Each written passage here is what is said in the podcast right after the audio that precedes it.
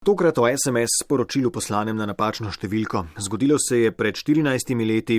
Tomaž je takrat z neznane telefonske številke prejel sporočilo z naslednjo vsebino. Ej, truplo, kdaj greva na en borovničevc? To sporočilo naj bi poslala Neža, ki pa trdi, da ga ni. Nobenemu človeku ne bi nikoli rekla truplo in tudi borovničevca napijem, tako da jaz sem vedno trdila, da tega SMS-a nisem poslala, ampak ta SMS je pač prišel na Tomaževo številko. Tomaž je omenjeno sporočilo vsekakor prejel in dejstvo je tudi, da je pred 14 leti, lahko da tudi pomotoma, odpisal prav Neži. V bistvu sem odgovoril na SMS o truplu. Ne? In uh, pač dobil sem ga iz nepoznane številke. Šokiran. Ja, v bistvu med vožnjo dobim SMS iz nepoznane številke, od, pa tudi, tudi jaz nisem neko boževalc, borovničevca, ne priznam, trupel tudi ne.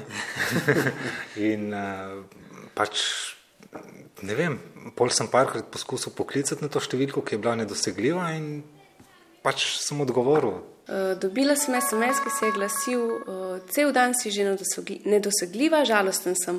Dobiš SMS, nisi dosegljiva, kaj je sledilo?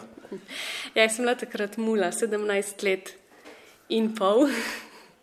Tako sem se pol predstavljala, ne, 17 in pol, in pač mi je bilo zabavno v bistvu. Intenzivno SMS dopisovanje med neznancema se je nadaljevalo. Na začetkih sam za vikende, pol kasneje kasnej pa stalno.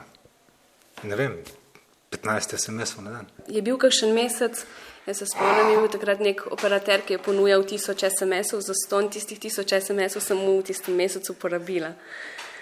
tako da, so, da v bistvu sva si kar dopisovala no, in zelo različne stvari.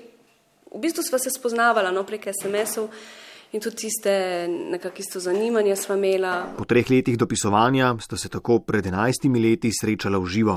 Srečanje pa ni bilo zadnje. Dopisujeta si tudi še danes, 14 let po prvem pomotoma poslanem oziroma prejetem SMS sporočilu. Ej, truplo, kdaj greva na en borovničevc? Neža in Tomaš sta namreč poročena in imata družino. Jaz vidim to tako, da, da res obstaja tisoč načinov, kako spoznaš ljudi, uh, in v bistvu ni nobenega napačnega načina, in tudi če spoznaš človeka prek SMS-a, lahko stvar deluje. Sprejemam namenoma poslana elektronska sporočila in telefonske klice z vašimi prigodami na nec.jemecaf na rtvslo.si oziroma nič 1 475 2202.